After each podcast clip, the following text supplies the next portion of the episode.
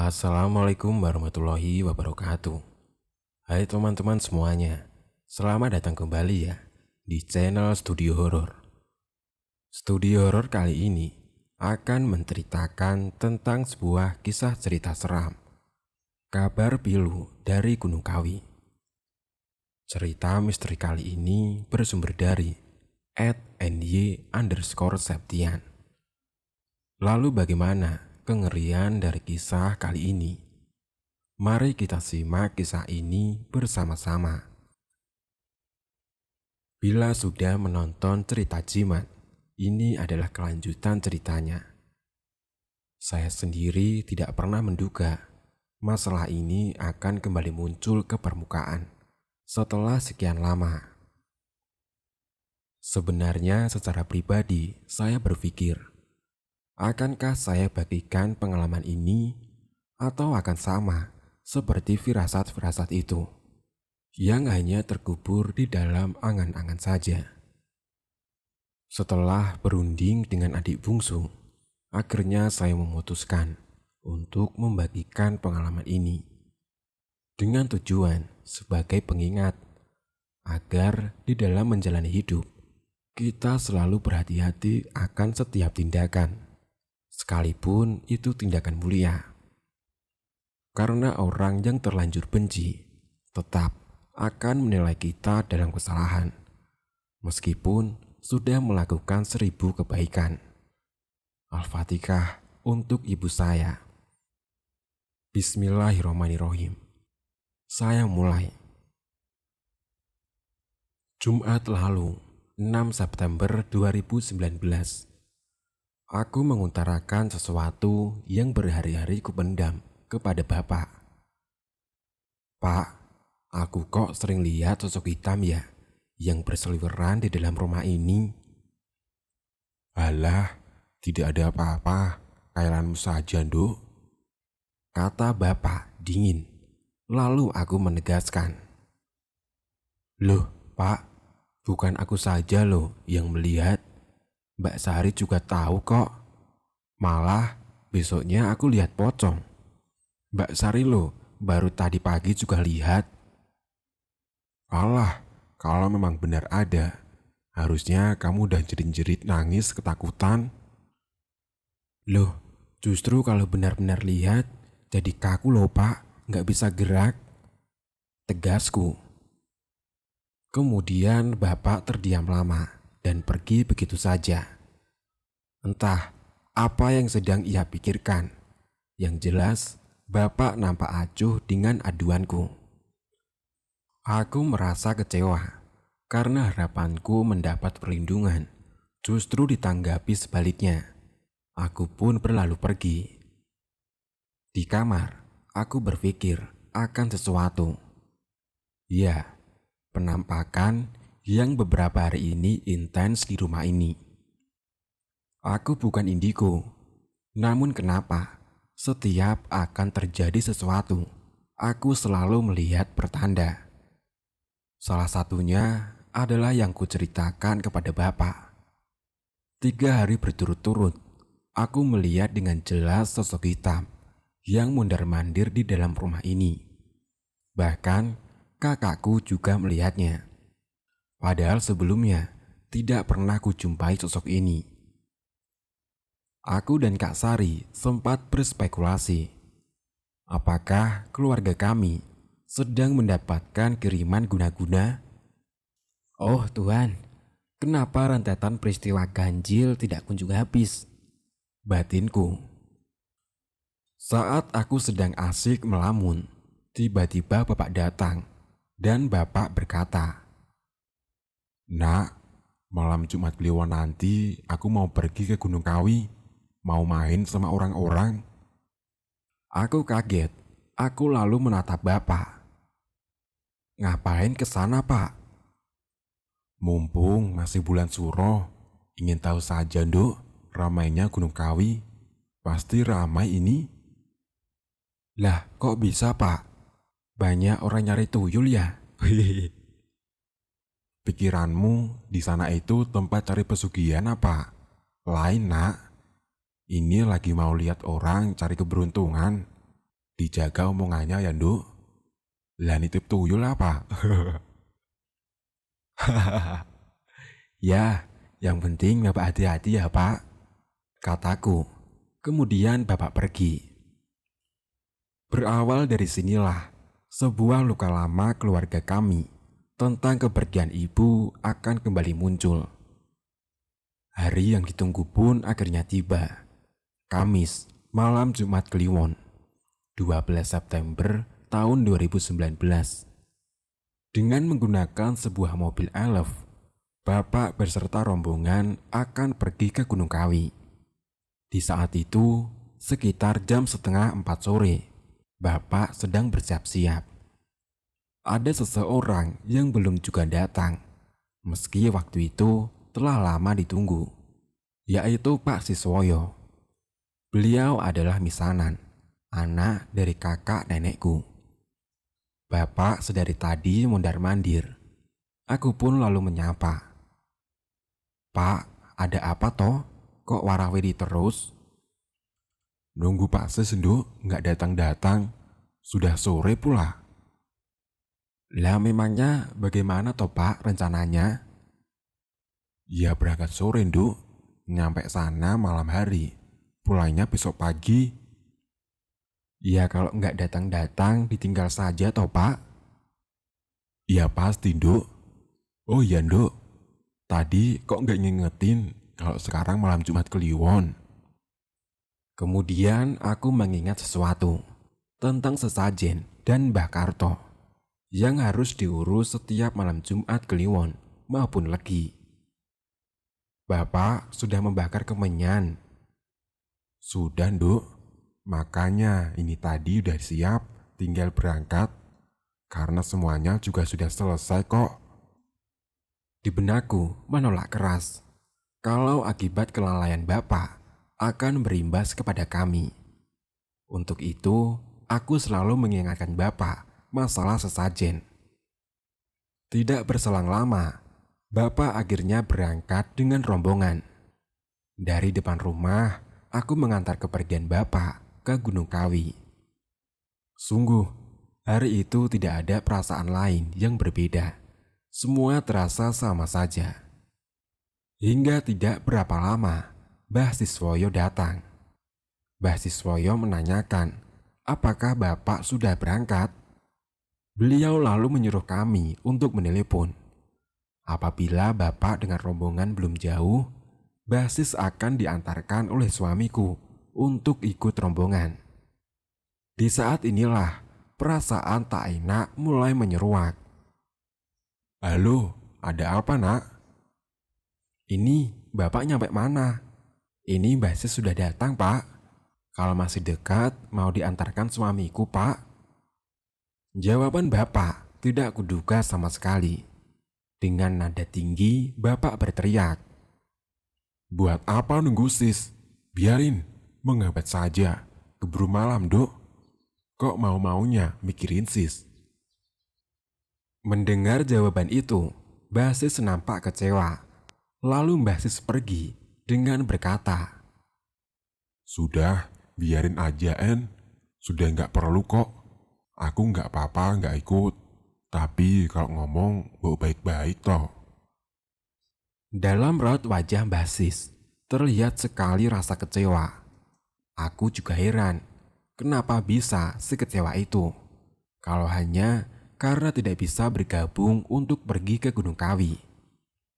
Di sisi lain, Bapak juga kenapa tiba-tiba bisa semarah itu. Padahal Bapak paling tahu kalau sifat basis itu paling mudah tunduk dengan apa yang dikatakan Bapak tanpa perlu Bapak membentaknya. Sore itu kurasa berlalu sangat lambat. Ketika menjelang malam, suamiku pergi ke gubuk belakang. Yang Bapak katakan itu sebagai padepokannya. Di sana gelap gulita. Suamiku lalu pamit kepadaku. Mah, aku mau nyalain lampu di belakang ya. Tanpa berkata, aku pun mengangguk. Lama sekali suamiku di sana waktu itu. Suamiku juga tidak kunjung kembali. Hingga tiba-tiba anak bungsuku menangis dengan kencang. Tiba-tiba suamiku datang dengan wajah datar yang sedikit pucat. Lalu aku bertanya kepada suamiku, Kenapa, Pak? Sudah toh? Suamiku lalu menjawab, Gak apa-apa, Mah. Sudah, ayo tidur saja ya. Kami pun waktu itu beranjak tidur. Hingga tiba-tiba aku terbangun. Aku mendengar suara mobil di belakang rumah kami.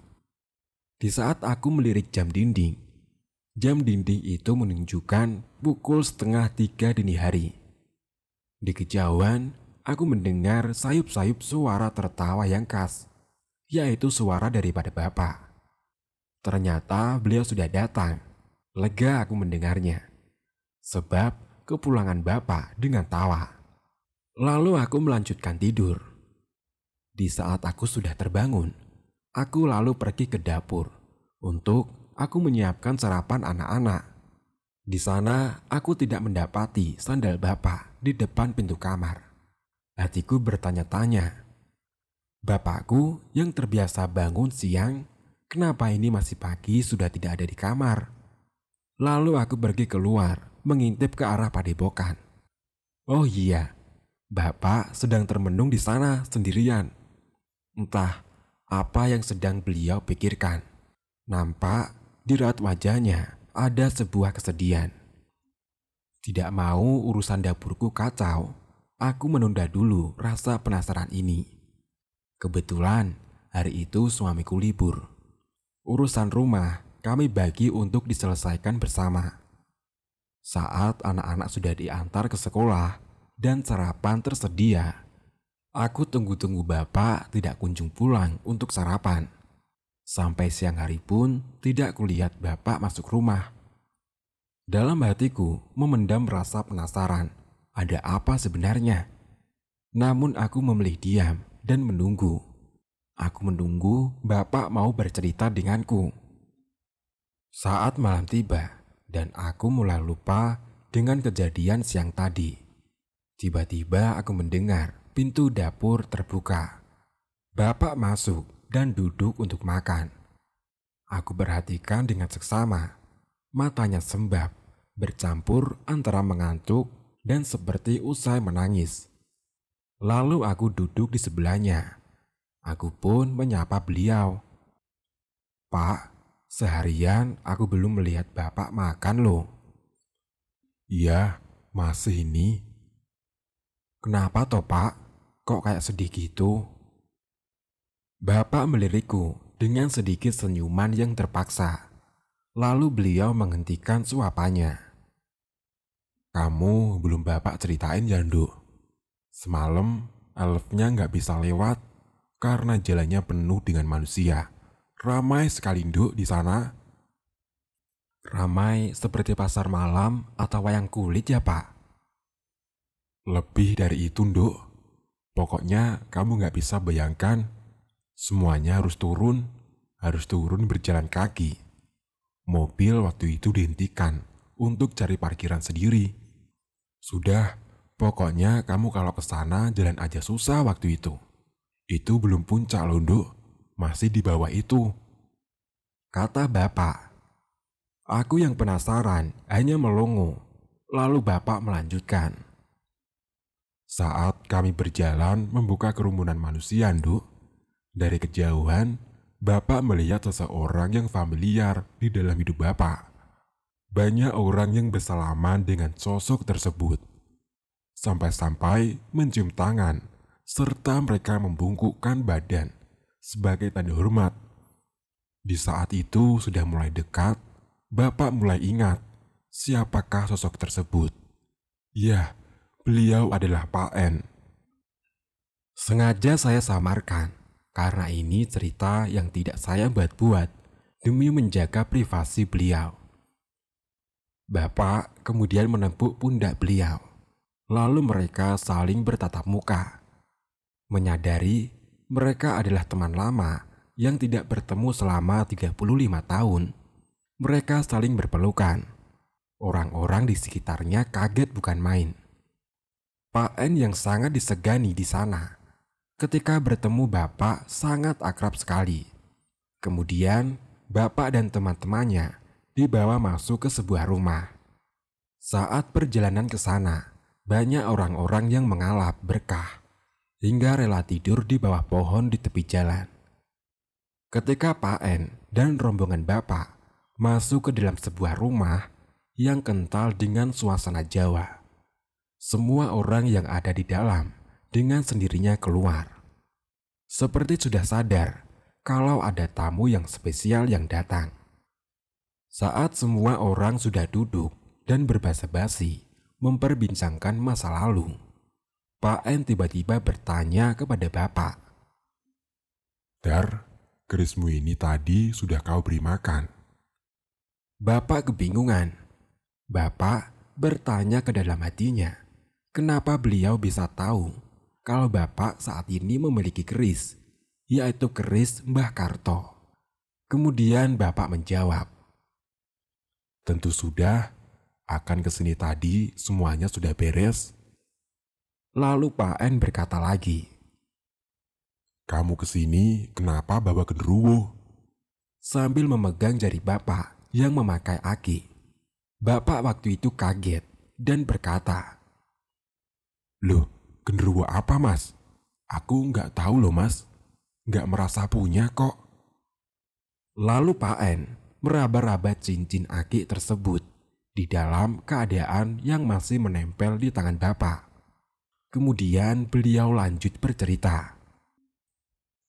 Sebelum kamu datang masuk ke area sini tadi, anak buahku sudah laporan kalau ada genderuwo asing yang masuk wilayah sini. Ternyata punya kamu toh. Bapak masih kebingungan karena Bapak merasa hanya memiliki satu kodam saja, yaitu Mbah Karto. Bapak tidak menyadari kalau ternyata akiknya juga berisi. Kemudian lantas Bapak bertanya, Masa sih mas? Terus sekarang di mana genderuwonya itu? Nanti kalau aku pulang gimana ya mas? Lalu Pak En menjawab, sudah aku ikat di pohon di luar di depan rumah ini. Tenang Dar, nanti kalau kamu pulang akan kulepas, dia akan pulang dengan sendirinya. Mendengar itu, semua orang melongo, seakan tidak percaya. Lalu perbincangan semakin malam semakin serius. Bapak sadar kalau Pak N adalah orang yang disegani, yaitu seorang juru kunci. Pengetahuan beliau tentang semua kejadian di hidup Bapak, meski tidak pernah bertemu selama 35 tahun, membuat Bapak kagum.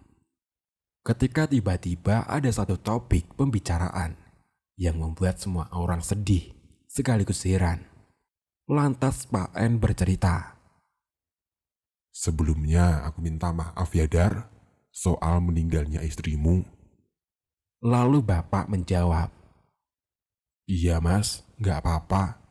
Memangnya ada apa lu mas? Lalu Pak N melanjutkan ceritanya. Kamu ngerti nggak Dar? Apa yang menyebabkan istrimu itu meninggal? Bapak menunduk dan seolah menenangkan. Allah mas, ya memang umurnya hanya cukup segitu garis hidupnya mas. Lalu Pak N berkata lagi, Sebelumnya mohon maaf ya Dar. Dari apa yang aku ketahui, istrimu itu kena santet. Santet yang harusnya dikirim untukmu, melesat kena istrimu Dar. Kejadian ini karena santet itu tidak mampu menembus pertahanan mudar. Dan istrimu lemah tanpa adanya perlindungan. Sekarang semua dalam hidupmu tinggal 50%. Rezekimu dan juga kesehatanmu. Dikejar rasa penasaran, Bapak mengikuti jalan cerita dari Pak N. Lalu Bapak bertanya, Lah siapa Thomas yang kira-kira punya dendam sama saya? Setahu saya, kodam yang saya punya tidak mau menyakiti. Mereka itu hanya melindungi, Mas. Kalaupun diminta menyakiti, mereka ya tidak mau. Selama ini, saya hanya membantu orang-orang yang kesusahan. Kemudian Pak N terdiam sejenak. Dar, Kamu hanya ingin tahu orangnya atau juga ingin membalasnya? Bapak lantas diam sejenak. Kemudian bapak berkata, Aku nggak pengen tahu mas, siapa orangnya. Kalaupun itu perbuatan buruk, biarlah dibalas sama Tuhan. Kemudian Pak N berkata lagi, Kalau dukunya adalah orang dari kota P, kalau kamu ingin tahu sendiri orangnya, ku beritahu dar caranya. Besok kalau sudah sampai rumah, akimu yang bergodam genderuwo ini tanamlah di makam dekat rumahmu dar. Setelah pintu masuk makam, menolehlah ke kiri. Di sana ada makam dengan porselen warna merah yang sudah lama tidak dirawat keluarganya. Tanamlah di situ. Kalau kamu mau menunggu, tunggulah semalaman. Nanti akan muncul satu aki pasangannya. Kalau kamu tidak mau menunggu, tinggal saja pulang. Kembalilah esok harinya. Setelah itu kamu bawalah pulang. Kumpulkan dengan kerismu dan sambatan. Selebihnya hubungi aku lewat telepon. Mendengar itu, pendirian bapak soal kematian ibu mulai goyah. Meskipun tidak ditelan mentah-mentah oleh bapak. Namun bapak tidak menampik jika malam itu membuat bapak berpikir kembali atas meninggalnya ibu. Kemudian aku berusaha mengalihkan pembicaraan karena aku melihat bapak sangat sedih waktu itu. Loh pak, berarti sosok hitam yang berseliweran itu kodam Aki ini ya? Pastinya begitu, Nduk. Tapi udah lima hari ini nggak ada kan? Aku berpikir lama dan mulai menghitung sejak kembalinya Kak Sari ke Bali. Iya, bener pak. Sejak kakak berangkat dari minggu itu, dulu bapak kok tahu? Bapak sudah menyuruh Kundro itu pergi, Nduk, sejak lima hari lalu. Ya kan gitu, katanya aku bohong. Aku merajuk. Kemudian dari belakang suamiku berkata, Ingat malam Jumat Kliwon kemarin, aku ke belakang nyalain lampu padepokan dan nunggu keris bapak. Aduh, merinding pak. Bapak tersenyum kecil, lalu bapak berkata, Ya, akan aku coba apa yang disarankan Pak N. Kira-kira kapan Pak sampeyan akan melakukan itu? Belum tahu, Nduk.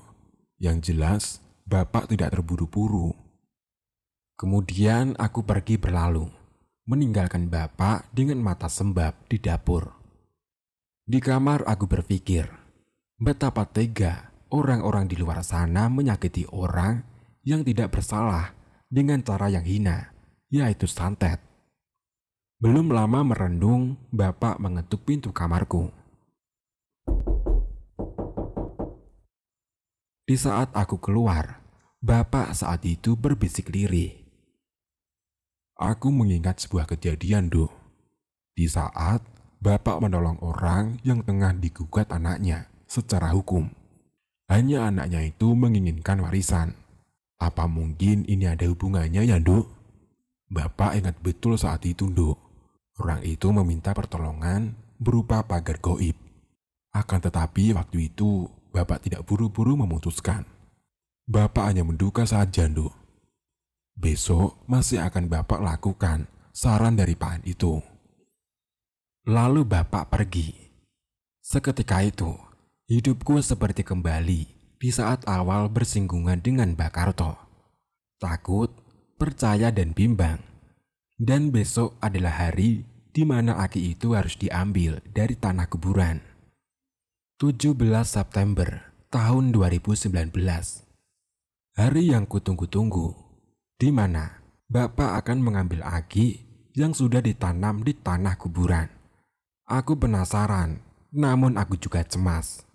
Karena saat itu, saat Bapak pulang dari makam, aku tidak segera menemuinya untuk bertanya bagaimanakah perkembangan kasus ini. Saat diliputi rasa cemas, aku menerima kabar yang kurang enak. Kak Sari bercerita mengalami mimpi buruk. Di dalam mimpinya, gigi Kak Sari copot. Lalu dia melihat keadaan rumah Mbok Katia ramai dipenuhi pelayat. Kakekku meninggal. Namun dari dalam rumah, orang-orang menggotong dua mayat. Salah satunya adalah jenazah Mbok kami. Padahal saat ini Mbok Katiah masih sehat. Meskipun kakek memang sudah meninggal 40 hari yang lalu. Di saat bersamaan, Kak Sari juga melihat tubuhku di bawah orang-orang dengan keadaan berlumuran darah dengan kaki yang patah. Awalnya aku menganggap itu hanya bunga tidur saja. Namun ia mengaku, di saat kakakku terbangun di jam dinding menunjukkan pukul 3 pagi. Dan menurut kepercayaan orang Jawa, kalau bermimpi tepat pukul 3 pagi, istilahnya adalah puspo tajem. Artinya, mimpi yang tafsirnya pasti menjadi nyata. Seketika itu, kepalaku mendadak pusing, jantungku berdebar-debar. Ya, jujur aku ketakutan, karena Kak Sari lebih peka dengan hal-hal goib daripada aku. Seharian aku terlalu dalam ketakutan. Di saat menjelang sore, aku menemui bapak di padepokannya. Pak, gimana? Benar, ada pasangannya enggak saat aki itu diambil? Bapak dapat apa dari makam? Bukan aki, Nduk. Hanya seekor keong seukuran jadi kelingking. Terus-terus, oleh Pak N, Bapak diharuskan bagaimana, Pak? Alah, dia hanya bilang begitu saja, Nduk. Siapa tahu nanti malam dapat wahyu atau pertanda.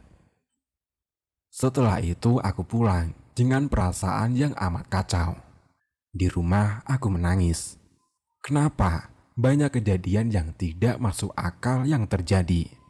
Lalu aku menemui adik bungsuku. Kami saling bercerita soal kejadian ini.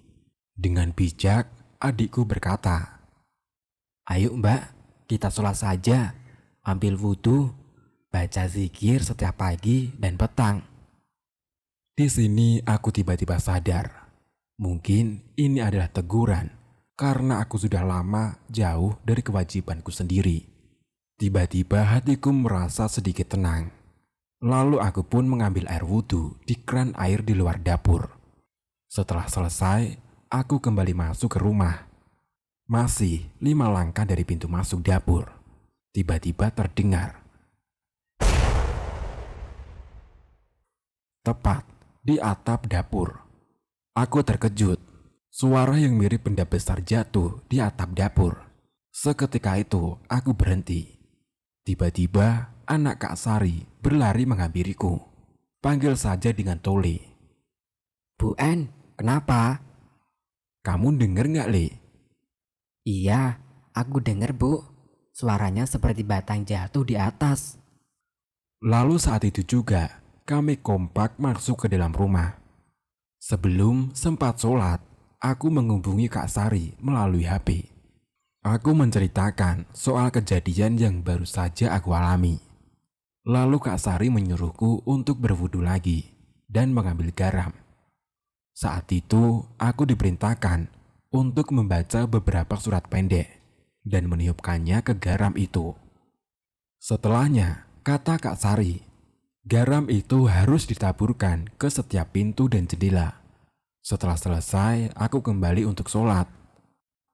Selesai aku sholat, aku kembali menghubungi Kak Sari. Aku bertanya harus bagaimana hari-hari selanjutnya karena kami merasa rumah ini sudah tidak aman. Tampaknya rumah ini tengah mendapat serangan goib. Kenapa aku bisa berpikir demikian?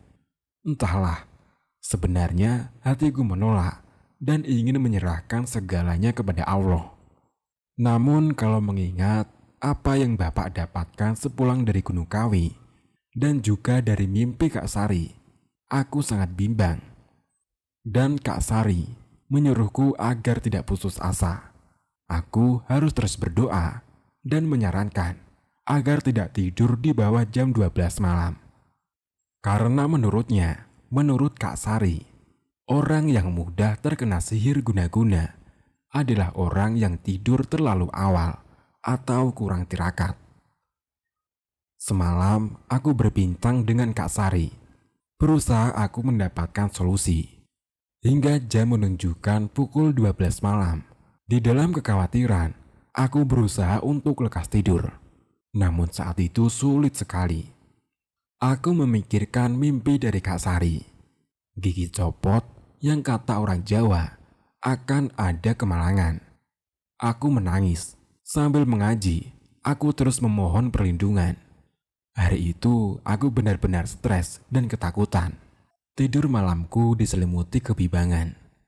Keesokan harinya, kewarasanku mulai tertata rapi. Aku berusaha optimis bahwa semua pasti baik-baik saja. Aku tidak ingin lagi terjebak di dalam lingkaran permainan bapakku sendiri. Aku harus lurus pada jalan Allah. Di saat yang sama, aku menceritakan ketakutanku kepada suamiku melalui HP. Lagi-lagi aku menangis. Rasa takut yang timbul tenggelam, mengurangi kadar kewarasanku lagi. Sebenarnya aku tahu, hatiku teguh, pasrah, bahwa jodoh, mati, rezeki hanya Allah yang tahu. Namun aku butuh solusi. Lagi-lagi aku menghubungi Kak Sari. Sama halnya aku, dia merasa khawatir. Bahkan kami sepakat kalau Bapak terus berusaha membantu orang lain melalui jalur goib, kami takut kalau berimbas kepada keselamatan kami. Ibu kami meninggal dengan keadaan demikian, dengan tiba-tiba, tanpa mengeluh atau sakit. Kami takut merasa nyawa kami terancam. Selain ritual menabur garam saat petang, Kak Sari juga menyarankan agar kami tidur dalam keadaan suci atau berwudu sebelum tidur. Aku dan adik Ata pun melakukan itu. Lalu kami pergi ke kamarnya masing-masing. Lalu aku melanjutkan mengaji dan sholat isya. Saat aku hendak merebahkan badanku di kasur, tiba-tiba saja terdengar suara pintu terdobrak. Lalu suara itu berbunyi lagi. Aku pun memanggil. Ta, Ata. Namun saat itu juga tidak ada jawaban. Aku mengira itu adalah adikku hendak membuka pintu depan. Kebetulan juga kamarku dekat pintu masuk rumah. Seketika itu, aku ketakutan. Aku merasa ada yang tidak beres. Lalu aku diam dan aku bersikir. Saat tiba-tiba aku mendengar suara bapak datang yang masuk ke dalam dapur. Ingin sekali aku memanggil bapak, namun tidak berani bersuara. Merasa ada yang sedang mengawasiku. Tidak diduga, dari balik jendela kamarku, tiba-tiba muncul sebuah kepala yang mirip manusia namun berwarna hitam. Aku sangat ketakutan. Aku saat itu memeluk kedua anakku Lalu aku berdoa. Dalam kedipan mata, tiba-tiba saja benda itu hilang. Aku pun segera berlari ke dapur. Namun saat kudapati, bapak sudah tidak ada di sana. Lalu aku menyusul ke padepokan. Dan benar saja, bapak ada di sana. Aku pun langsung berkata, Pak, ayo pulang. Aku takut, Pak. Lalu aku menceritakan kejadian yang baru aku alami. Lalu bapak berkata, Sudah nduk, pulang saja dulu. Bapak menyusul. Aku nggak bisa pak. Aku mau nunggu di sini. Aku mau pulang bareng sama bapak. Aku takut sendirian pak.